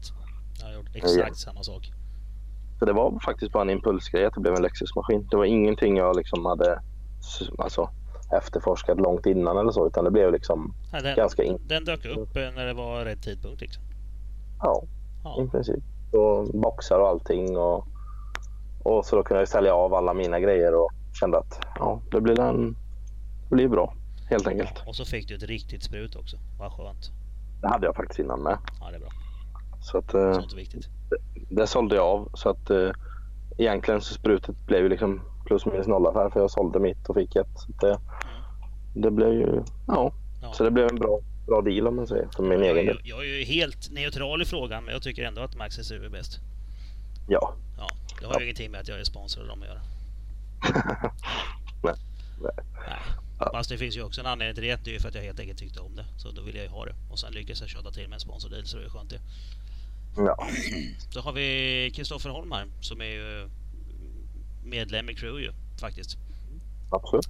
Eh, nej, det har vi inte. Vi måste, vi måste ta, ta klart Jönssons fråga först. Vad är bäst och sämst med bil respektive förare? Den får vi inte glömma. Sämst är att han inte vill fungera. Föraren eller bilen? Eh, bilen. bilen. Och eh, föraren är egentligen eh, feghet i initieringen man säger. Lite för snäll oftast. Eh, behöver vara lite aggressiv. För så fort första kurvan har gått så är det inga problem men ja, initieringshastighet och, och det är lite fegt om man säger. Är det motor eller karossrespekt du har när du ger in i första kurvan? Nej, karossrespekt har jag inte för att eh, det jobbar jag med. Så att eh, mm. det lagar man när man kommer hem. Okej, okay. det, är alltså, det är inte det att du backar av hastigheten för att du inte vill åka av utan för att du är rädd för motorn ska paja eller vad är det, vad är, varför backar du av? Det är nog mer för att... Eh, det bara blir så? Det, det går inte att åka fortare tänker man, men varje gång man kommer in i kurvan så ah, jag kunde åka lite fortare. Ja. ja. Då förstår jag. Och vad är bäst då med bilen? Ja, bäst eller ja, kör, kör egenskaperna. känns eh, fruktansvärt mjuk och stabil att åka med och den beter sig så som jag själv vill. Skönt. Den eh, följer liksom eh, mina order om man säger. Ja, precis. Den gör så ja. den blir tillsagd. Ja, precis. Vad är bäst med föraren? Mm, enveten. Ja, en aning envishet verkar ju finnas i den där kroppen i alla fall. Det har vi ju märkt. Jajamän. Så är det. Så det, det är alla fördelen. Att, eh, ska jag göra något så, så vill jag lösa det. Så att, eh, ska jag ut till en zon så nöter jag det tills jag kan. Förhoppningsvis om, jag, om det finns tid. Så om vi summerar så har vi alltså en envis, feg förare med en, en äh, jävligt följsam bil som inte fungerar. Ja, precis. Ja, men det är ju klockrent. Det låter ju ja. låter som ett vinnande koncept. ja, men då så. Då kommer vi till Kristoffer Holm här nu då. Berätta om senaste veckan som varit från Sundsvall till Drift GP och vad har han för känslor för den överlag? Och historien har vi faktiskt redan dragit ju. Mm. Inte helt oväntat. Vad har du för känslor för den överlag? Ja, eh, känslor för veckan alltså. Det är det jag menar tror jag. Ja, nej alltså jag kände mig sjukt taggad efter Sundsvall. Revansch för Drift GP. Taggad för att köra en stor tävling. Eh, och eh, det kändes som man hade väldigt mycket folk bakom sig och stöttande sponsorer som ställde upp eh, i, i, panik för att få ihop grejer. SH Bil och Maskin gick in och sponsrade med turbo och lite däck inför för tävling. Eh, Byggbröderna sponsrade med lite däck och ja, Blåkläder ställer upp med bilar och, och släpkärror och grejer för att man ska kunna ta sig dit man vill. Och allting flyter på tills vi är där. Så att eh, känslorna från Sundsvall till Drift GP var sjukt lite sömn och sjukt taggad oavsett. Så att eh, det, det, det gick inte att få bättre förutsättningar egentligen. Nej. Eh, däremellan. Så att eh, hela den här veckan kändes kanon faktiskt. Ja, det känns ju som att eh, det är ju en riktig kämparvecka alltså. Ja, ja, absolut. Det har ni gjort bra, så enkelt är det så det... det... Det är så riktigt synd att det inte höll hela vägen fram, men det är bara ja, komma igen. Bryta upp, kom igen. Det är så det funkar. Ja. Ja, men då så. Då har vi William här nu då, som säger vad är målet med körningen och vad har du för eh, framtida modifikationer på bilen? Um, ja, målet med körningen är att ta sig så långt det går och uh, vi ska försöka... Ja, du ska vinna helt enkelt. Ja, vi ska kämpa oss uppåt till SM-serien. Ligger på sjätte plats fortfarande efter Sundsvalls eh, rasen då. Vi fick bara 30 poäng där. Eh, I kvalet då, kvala 17, så vi fick 30 poäng. Eh, och ligger kvar där på sjätteplatsen som vi hade innan då, men eh, poänggapet har blivit lite större uppåt. Så vi får försöka jaga ikapp där så gott det går. Och så ja, det är svårt att jaga ikapp när man har nollat. Liksom. Det är ju det är tråkigt. Mm. Sen får vi ju räkna bort en deltävling där så att vi hoppas att det är den vi får räkna bort då. Ja precis. Ja, så du inte får någon ja. som är ännu sämre. Ja precis. Så att, eh, men eh, oavsett så fick vi ändå 30 poäng och det är mer bättre än inget i den tävlingen. Mm. Eh, får ni poäng för att det dyker upp också eller? Nej, men eftersom jag kvalade 17 med eh, motorexplosionen i den rundan så, ah. Så fick jag ju kvalpoäng och då får jag poäng. Ja, men det är skönt. Så jag blev inte nollad i den repan ändå. Även om det var sjukt dåligt med poäng. Så... Mm. Ja, det blir alltid så... något. Ja, då får jag ändå poäng. ja, då, då, då, kan du göra en sämre, en sämre tävling fortfarande. I princip, så att, då har jag i alla fall nått poäng. Så det var inte helt förgäves vi åkte till Sundsvall. Mm. Ja, men det är skönt. Det, ja. Vad har du för eh, framtida modifikationer planerade då? Eh, ja, det är eventuellt ett Wiseweb bak. Uh, för jag åker med Driftworks kit bak och uh, har lite, ja vad ska man säga. Den uh, får ju mer camber ju mer den fjädrar. Så att den har ju tendens till att slita mycket innerdäck när det börjar gå riktigt fort och när bilen sätter sig ordentligt. och ja, med ett Wiseweb så får man lite bättre traction rakt igenom hela nedfjädring och ja, bättre driftgrepp om man säger. Så, ja, ASV är gjort för drifting, så enkelt är det ju. Ja, så att eh, det är det som skulle vara en, en uppgradering i bakvagn då. Eh, annars eh, är det nog bara att utveckla de här små bitarna man har fortfarande innan eh, man nu någon gång bygger ett nytt chassi eller något mm. nyare då. Mm. Så, då så. Ja. Vad har du för drömdriftingbil då, frågan? Det finns ingen riktig drömdriftingbil. Man eh, vill vara unik men eh, det är så jäkla svårt för att det dyker ju bara upp nya bilar överallt tycker jag. Ja. Eh, det ploppar ju upp varje jäkla bilmodell på banan. Ja, tycker jag. Sen är det lite tråkigt att vi inte får bygga på, på framhjulsdrivna bilar och, och sådana grejer. Ja, så att man, det är tråkigt. Det tycker jag också. Ja, det är lite synd. Så man blir lite begränsad på vad man får bygga. Ja, Manges Calibra var ju hur cool som helst. Ja, men du får ju bygga på fyrhjulsdrivna chassin. Så ja. det hade du Ja, precis. Jo, det var ju där han hade kryphål på den ju. Det kommer jag faktiskt ihåg. Mm. Jag hjälpte faktiskt honom bygga eh, skärmarna på den. Ja, precis. Mm. Nej, för det, det är ju en... Eh, alltså det finns ju så jäkla grymma karosser om man hade fått välja fritt fram. Ja. Eh, och, och, och då hade man ju kunnat, vad man ska säga, go out of the box lite. Ja, det är ju lite så. Det är, det är inga problem egentligen. Bara har, om du väljer en, en bakvagn som du vet fungerar bra och sen kan du sätta den på vilken jävla kaross som helst egentligen. Det är bara att svetsa dit. Ja. Ja, det är synd att vi inte får det bara. Så att det... Ja, det är lite tråkigt. Karossen är mm. egentligen bara ett skal du sitter i. Ja, det är ju inte mycket vi lämnar orört ändå egentligen tycker jag. Så att, eh, så att, eh, hade det bara varit eh, besiktningskrav på ombyggnationerna så borde det varit okej okay, tycker jag. Mm. Men det, jag förstår ju också att de vill ha ett reglemente så att det inte spårar ur allt för mycket också. Ja, ja så, jo, det måste ju finnas ett reglemente så är det, det ja. Men det är ju, ja, vi som tycker om att bygga känner att det här var en tråkig begränsning men det är väl bara att acceptera, så enkelt är det ju. Ja, så det, men eh, ska man bygga nytt så blir det ju något nyare, liksom en nyare kaross, modernare och ja, någonting som sticker ut ändå på något sätt. Mm. S13 är ju ganska standard inom drifting så, men vi har försökt att få den till att sticka ut lite ändå. Mm, ja. ja, sträpningen och sen framförallt de här oljekylarna är ju sådana små detaljer som gör att det sticker ut. Ja, precis. Det är, det är lite, lite coolt faktiskt. Mm.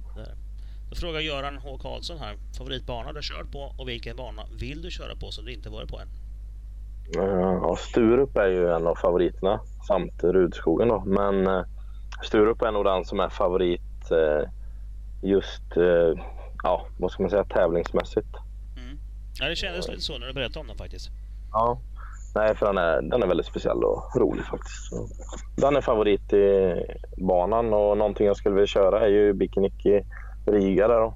Mm. Som verkar riktigt ball med initiering i ja, riktigt hög Ja, precis. Eller ja, in, den som är Riga där som är, vad ska man säga, en blind initiering i höger kurva. Mm. Och så nyper åt vänster snabbt så att eh, den, den, eh, den är jag riktigt sugen på att testa någon, någon gång framöver. Ja, men där kör de ju lite sköna tävlingar så det att åka dit ju. Ja, absolut. Det är ju också sponsorer och grejer som man behöver jaga för att komma dit. Ja. Det, det kostar ju att åka och logistik och folk som ska med och man ska få allting till att funka och hela den här biten. Så. Men det det är ju ett mål att ta sig lite utomlands och köra, helt klart. Absolut. Ja, kul. Och sen frågar Sebastian om största motgången och bästa framgången. Ja, motgång eller det här med rasade maskiner på löpande band här och smälta kolvar och ja, strul helt enkelt. Ja, det är ju rätt eh, Ja.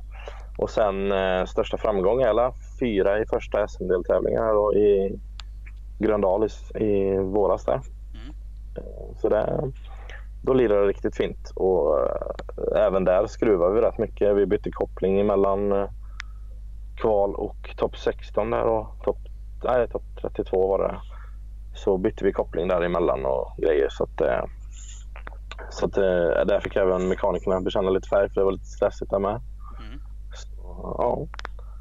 Det, det vill till att ha folk bakom sig även när det ja, fungerar bra. Det var ju, det var ju all, hela gänget som tog den fjärdeplatsen. Det var inte bara du.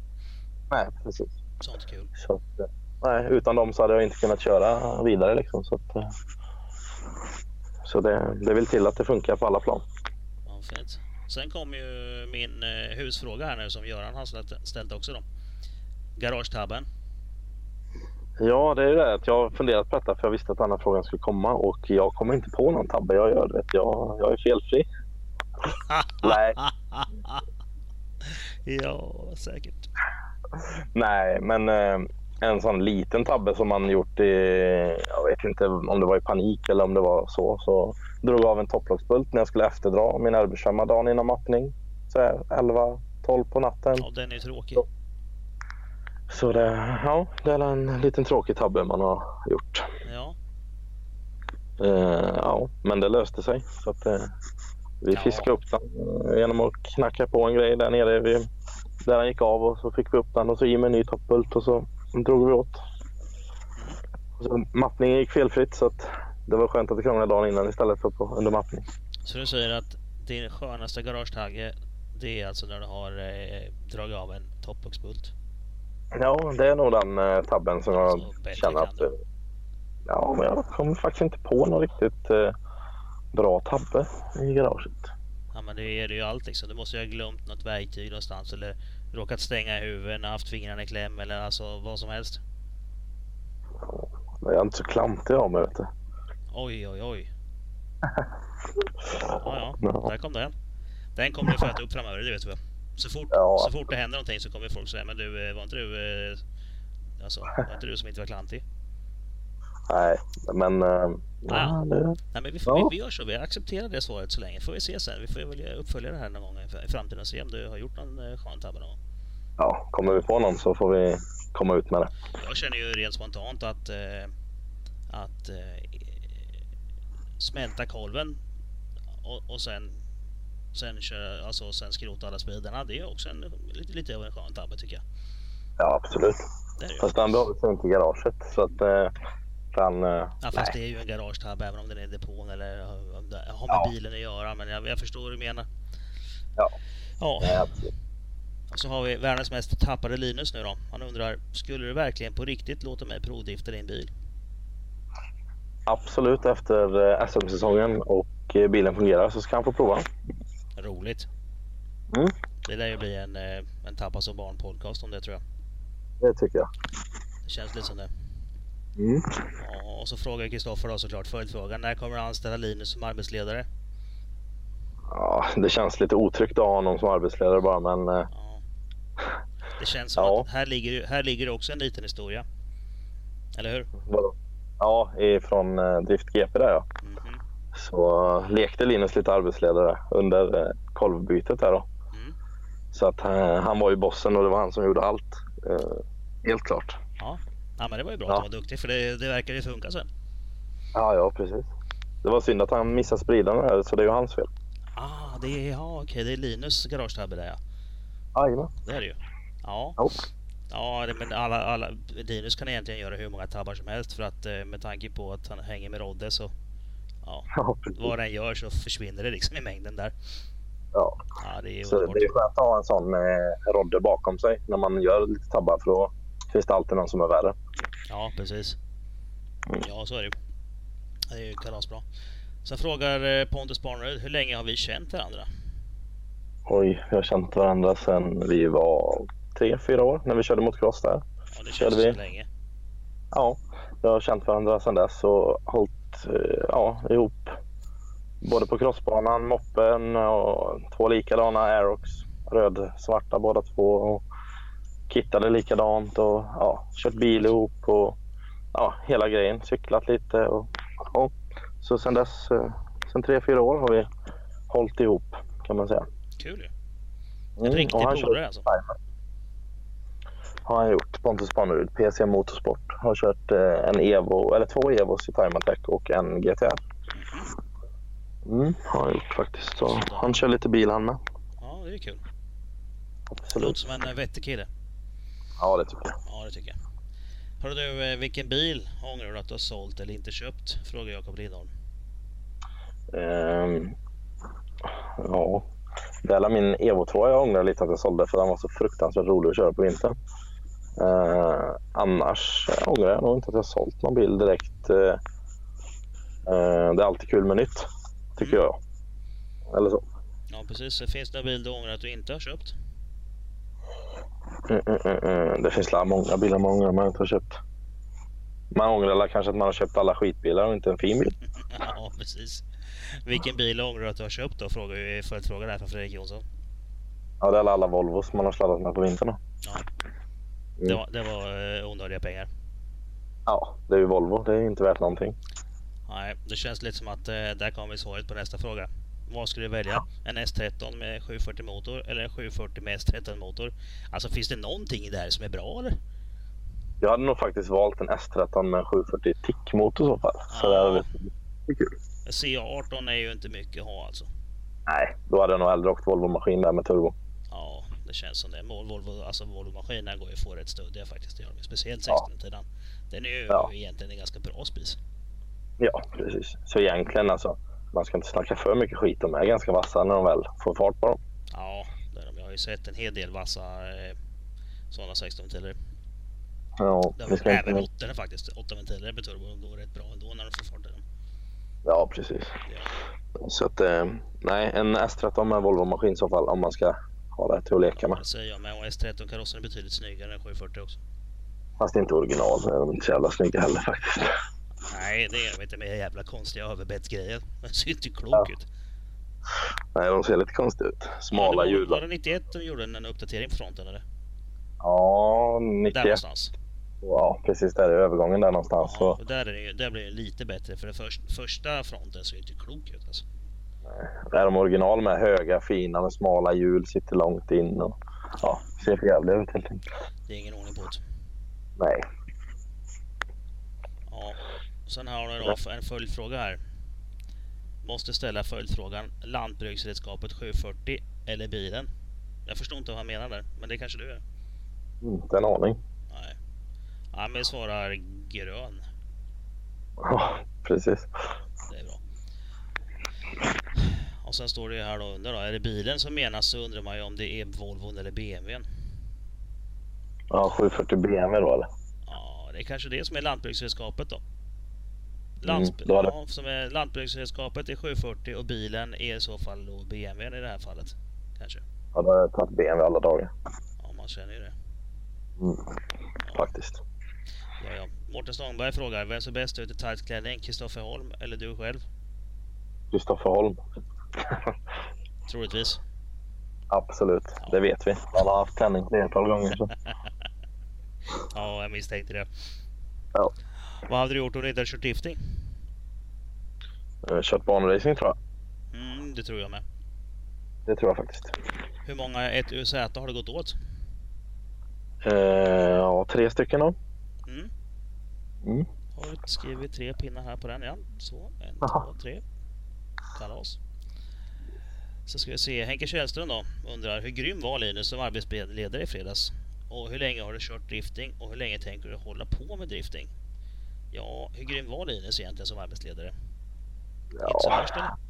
nej, det, det var ingen, ingen struktur på det hela och eh, det var mycket annat än, än skruva och eh, dirigera arbete om man säger så. Ja, Linus, skärp dig.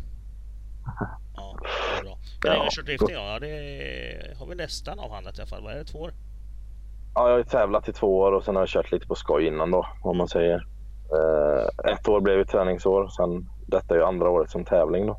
Mm. Så totalt är det fyra år på banan man har lekt. Ja, det var viktigt på däck då.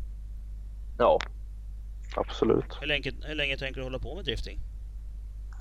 Eh, Så länge det funkar och sponsorerna vill finnas med och stötta så kämpar vi uppåt så långt vi bara kan. Mm. Eh, Utan dem så finns det ingen möjlighet att köra på den nivån man gör faktiskt. Så man behöver dem bakom sig. Helt klart. Ja, så är det faktiskt. Daniel Edenius här frågar om pinsammaste avåkningen. Eh, Ja, pinsammaste, pinsammaste. Eh, Den som eh, flest personer såg kanske var Skara-träffen förra året i betongmuren. Tror jag. Knäckte bakskärm, ja, lite fälgar, fram coilovers knäcktes lite, styrstag, framskärm, ja, lite smått och gott. Men eh, vi fick ihop den och åkte ut på, på kvalet tror jag det var. Nej, topp 16 var det vi kom ut på med lagad bil men eh, då gick drivaxeln av i första kurvan. Så antagligen har jag fått en god smäll därifrån muren. Då. Ja, Så att den eh, snärtade av i första kurvan. Då, så eh, då var det slutkört där. Men vi kämpade även där för att få ihop bilen. Så att, men du eh, jobbar som plåtknackare alltså, eller? Är det så? jajamän, Ja. absolut. Mm. Då, var det inga problem att smälla till det där då? Nej, det var ju mest hjulupphängning som var fokus på det. Men vi fick ut bakskärmar för då körde jag fortfarande plåtbakskärmar. Då. Mm. Nu åker jag glasfiber. Då. Ja, det är smidigt bara att byta ut skiten. Ja, precis. Ja, det tycker jag också. Även om man är plåtslagare så tycker man om plast i den här hobbyn. Ja, jo men det, det är ju skillnad alltså hålla på och knacka ut plåten och göra ett hantverk, visst är det men bakskärmar är ju förbrukningsvara på en driftingbil. Ja, precis. Lite så är det ju faktiskt. Ja. Ja, Daniel Rudin frågar varför S13 och varför V8? Ja, varför V8 det har vi svarat på egentligen. Den, den råkar komma i vägen. Var det inte så? Ja, ja lite så faktiskt. Ja. S13 då? Varför bytte du till en S13? Ehm, jag vill ha ett S-chassi först och främst eftersom RB25-maskinen och lådan passar i princip rakt i. Mm. Ehm, och bara byta joken på karanen i princip. Så, ja, så blir det egentligen bolt-on med lite nya fästen och lite så. så. Så det var ju målet att köpa ett S-chassi. Sen om det var ett S13, S14 eller ett S15. Det var ju ekonomin som satte stopp egentligen. Ja, såklart. Ja, S15 Ja. är dyrt. Ja, och då kom det ut en, eh, i ja, Sandared, två, vad kan det vara, två mil utanför Borås. Eh, en tom kaross utan motor och grejer för 2 5 Kanonfin utan rost. Det var 10 gånger 10 cm rost i ena tröskeln, annars rostfri. Så, Så. Att, eh, då köpte vi den. Nu gjorde du rätt i. Ja, faktiskt. Men eh, varför fortsätter du inte åka med Skyline då? Eh, för att jag inte... Jag ville bygga en tävlingsgodkänd bil då, och eh, även sitta på rätt sida om man säger så. Ja, var du vill inte hålla på och köra högerstyrt? Nej, och tanken var att man kunde byggt om den men så hade jag bur i den som inte var hundraprocentigt enligt nya reglementena. Och, jag ser vart du är på väg. Ja, och då blev det, det bättre att bygga från grunden och göra rätt från början än att bygga om för 511 gången känns det som. Så att, eh, ja, det blev att bygga nytt och bygga fräscht. Mm. Och så hade jag sett det här Rocket Bunny V2-kittet och ingen hade fått hem det till Sverige så det beställde jag genast precis i samband med att jag köpte karossen. Då. Eh, så att vi var, var väl först att få färdigt en S13 med Rocket Bunny V2 här i Norden i princip. Kul. Mm, det var skoj. Men då så. Sen kommer Daniel med en följdfråga. Har du voltat någon bil? Eh, det har jag faktiskt inte. Nej. Inte än? Eh, nej, inte än. Det kommer väl säkert något. ja, här kommer en rätt skön fråga också. Alltså, hur kom, kom ni fram till att svara på frågan varför ryker svarta däck vitt när man driftar och svart när man eldar dem? Ja, Linus där i Tappad som barn på kusten där och hans eh, teori är att eh, när man burnar så blir det friktionsvärme och då blir det vitt och när man eldar dem så blir det förorenat och då blir det svart. Mm. Ja, det han är nog någonting på spåren där tror jag faktiskt. För man tillsätter ju syre när man eldar dem. Ja, precis. Det gör du ju inte när du hettar upp dem. Bara genom Nej. friktion. Ja, precis. Så att eh, ja, jag tror att han är där. Ja, det är, ja, det är närheten i alla fall. Ja, precis. Ja, Rickard Ivars här nu då. Hur fan får man ta för sig att byta kolv overnight på Gröndal? Ja, det var ju inte tanken från början. Tanken var ju att vi skulle byta en topp.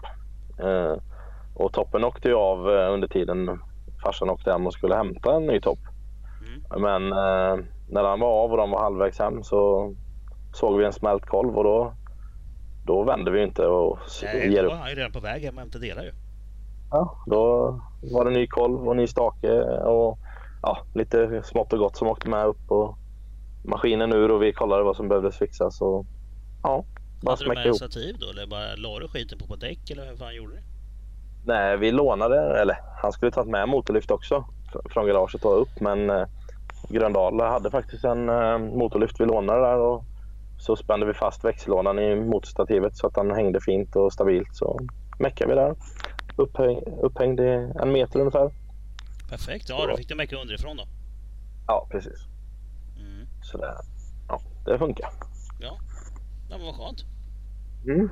Så det, det är egentligen anledningen. Alltså, man ger ju inte upp förrän man har provat. Nej, jag tycker att det är helt rätt och det är ju det är den kämpaglöden som är, som är spännande liksom ja, har man grejer också så, så känns det värt att prova. Hade vi inte haft någon kolv hemma så hade vi fått ge upp. Ja, precis. Ja, så är det. Ja. Men nu hade du ju det. Och sen hade du redan farsan på väg hem också.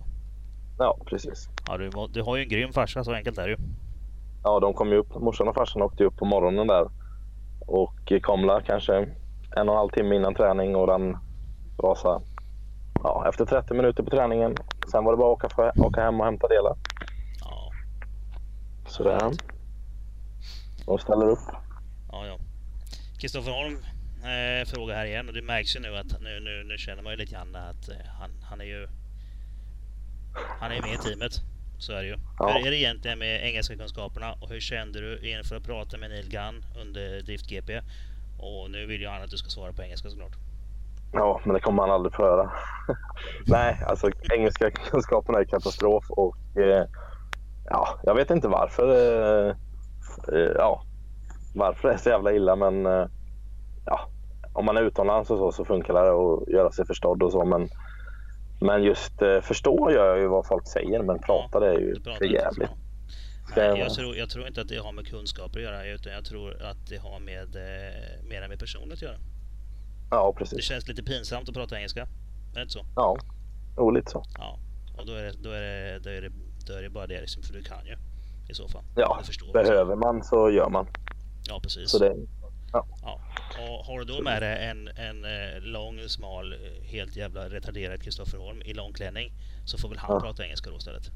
ja, han får ju vara min tolk så att säga. Det har vi ju sagt. Eller han kan vara din pitch. Så oavsett hur dåligt jag pratar Oavsett hur dåligt jag pratar engelska så kommer alla störa sig mer på honom än på mig. Ja, det är bästa sättet att, att, eh, att känna sig bra. Det är att omge sig med dåliga människor. Ja, precis. Inte så? Ja, Ja, han är ju rätt störd den här Kristoffer. Så enkelt är det. Ja. Det vet jag eftersom jag har träffat honom lite grann. Han är inte ja. Man tar ju inte på sig klänning eh, frivilligt på gatubil liksom. Ja, det vet jag. Ja, ja, jag vet inte. Jag brukar ju svinerifesta i eh, kostym. Jo, men det är i alla fall manskläder. Ja, det är det i och för sig. Men i år, i år spårade det ju lite duktigt när, de, när Torbjörn hade med sig Anton som hade sin eh, plotter med sig och skar ut transfertryck. ju. Jaha. Ja, det blev ju ett fylleryck där. Så numera har jag en, eh, en eh, brun Kisex-randig filtkostym med tryck över hela ryggen på så det står syrebrist. Vad hände där Ja. liksom? Det där med Monster Morgan, det är farligt. Men det är ju coolt. Det är inte alla som har ryggtryck på en kostym. Nej. Nej. Det är nästa bröllopskostym då menar du? Ja, det känns lite som det. Och vem, vem, alltså det är en sak att man, att man har, att man gör sköna grejer på fyllan. Men vem fan har med sig utrustning för att trycka kläder i depån? När man har fest, Nej. det är ju livsfarligt. Det är lite grann som att ha med sig en eh, tatueringsmaskin liksom. Mm. Ja, fy fasen. Ja, det är Vilken med? Nu dyker Kevin upp här igen. Han frågar Mm. varför fortsatte inte du och Pontus Parnerud eran pistmaskinskarriär? Och där känns det som att va? Ja, det, kan, det är också en garagetabbe då om man säger så. När någonting spårar ur lite mer än vad man har tänkt. Mm. Ja, det har sin Eh. historia, så är det ju. Ja. Nej, det var ju då när vi cyklade ganska mycket så uh, finns det en gammal skidanläggning i Borås som heter uh, Björbobacken. Mm. Som uh, har liksom, ja, de har ju liftanläggning och allting och vi fick ju tillgång till deras skjul och alltihop där och det har vi lagt ner för flera år sedan. Det är ju nog 10-15 år sedan, sedan innan liksom, innan vi höll på.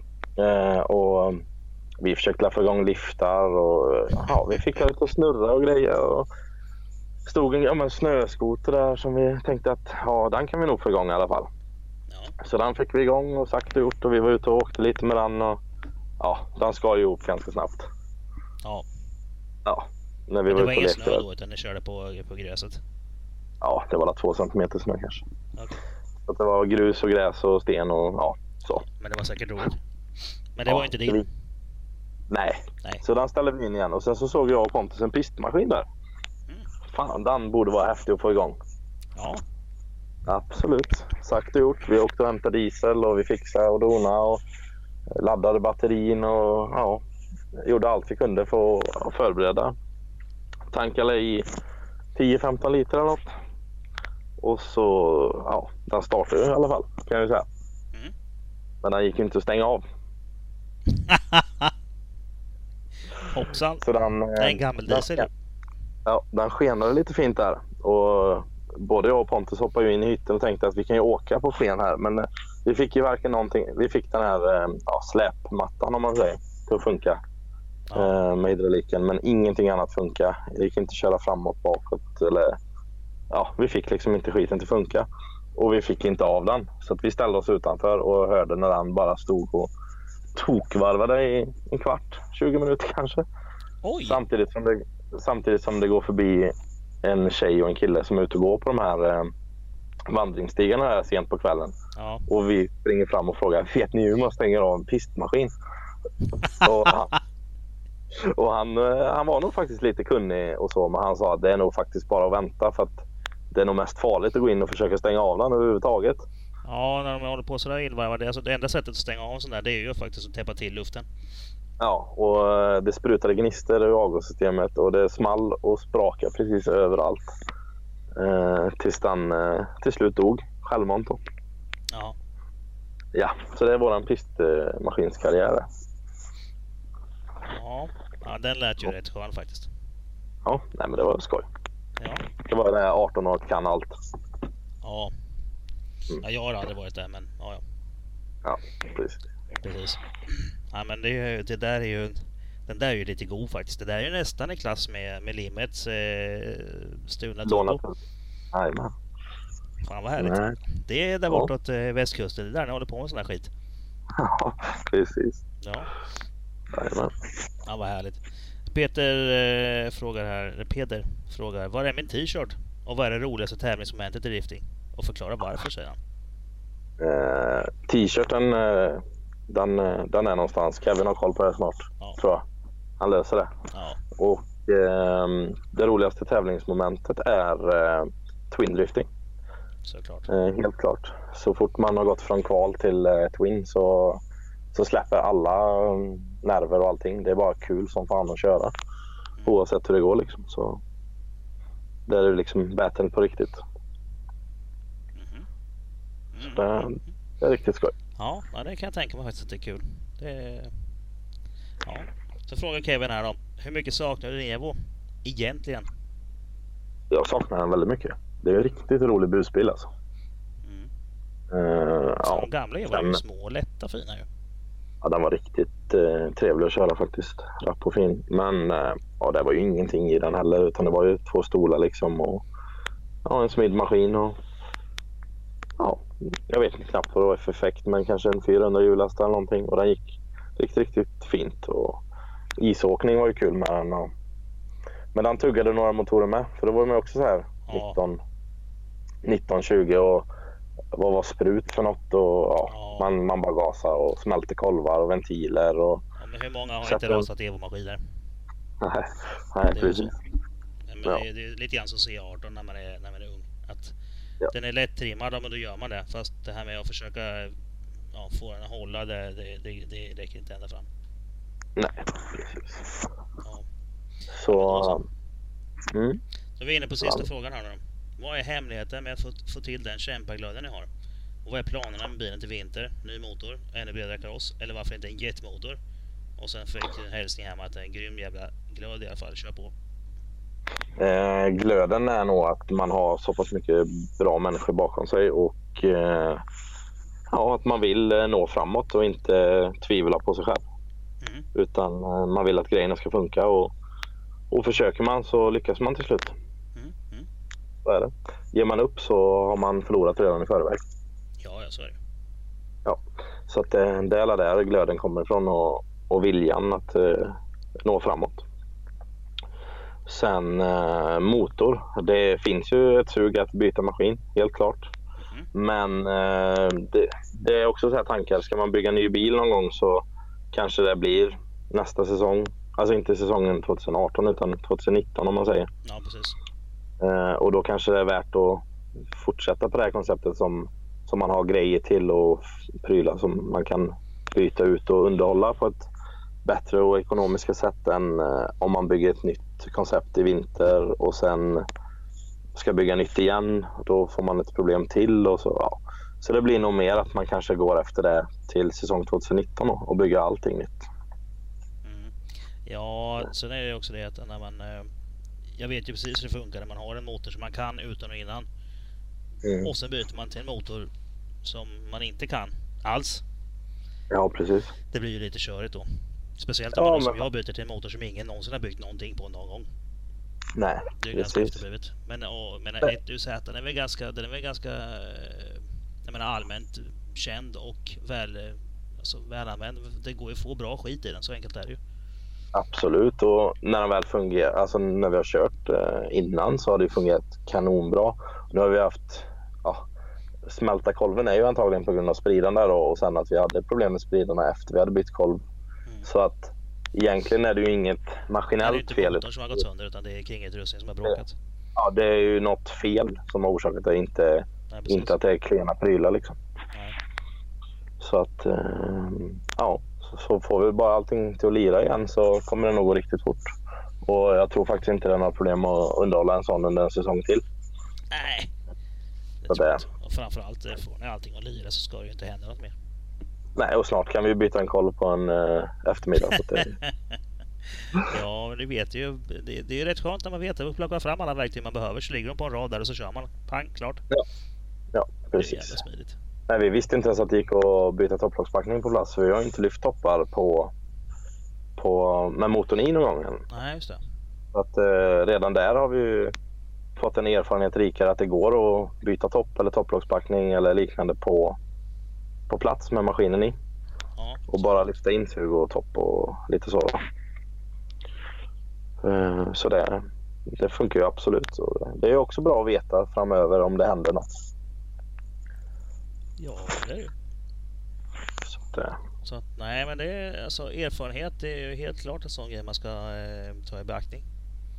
absolut. Vad fint. Hörru, ska vi ta och eh, sammanfatta allting nu då? Mm. Ehm, du saknar Evon. Fast Ja. det skiter du lite grann i för nu har du en S13 med en 1ZI som går sönder ibland men som du vet hur du ska laga. Ja, precis. Det känns ju som att som, eh, ja, som ett vinnande koncept alltså. Ja. Nej, men det är alltså S13 en, det är en riktigt god bil att åka och köra överlag så att eh, det är ingenting jag ångrar att jag har. Mm. Så att, eh, Vad skönt. nej, men, Ja men då så. Och sen har du ju ett grymt team bakom dig som egentligen förtjänar att, eh, ja, att lyftas fram på ett sånt sätt. Men det har vi ju faktiskt gjort lite grann här nu också. Mm. Även om en del av dem är efterblivna så är de ju riktigt bra att ha. Verkar som. ja, men all- alla måste vara efterblivna för att orka. Ja, annars får man inte vara med. Nej, precis. Det är ju så. Ja. Alla, alla har sin svaghet och styrka i Ja. teamet. Liksom. Ja, men lite så. Det är bra Ja. så kompletterar man lite grann där så blir det ju alldeles ypperligt bra. Absolut. Ja, det verkar som ni har som ni är ett skönt gäng. Det är det ju faktiskt. Ja, Det nej, men händer ju det, att det springer på er på gatubil ibland ju. ja absolut. Ni är Och grabbar. utan eh, teamet så kommer man inte långt och det ska man veta att man behöver mycket starka människor och personer bakom sig. Både sponsorer och eh, när man är iväg och kör och som behöver hjälp att skruva och hela. Alltså, all, all logistik och allting eh, behövs personer till. Mm. Ja, så är det.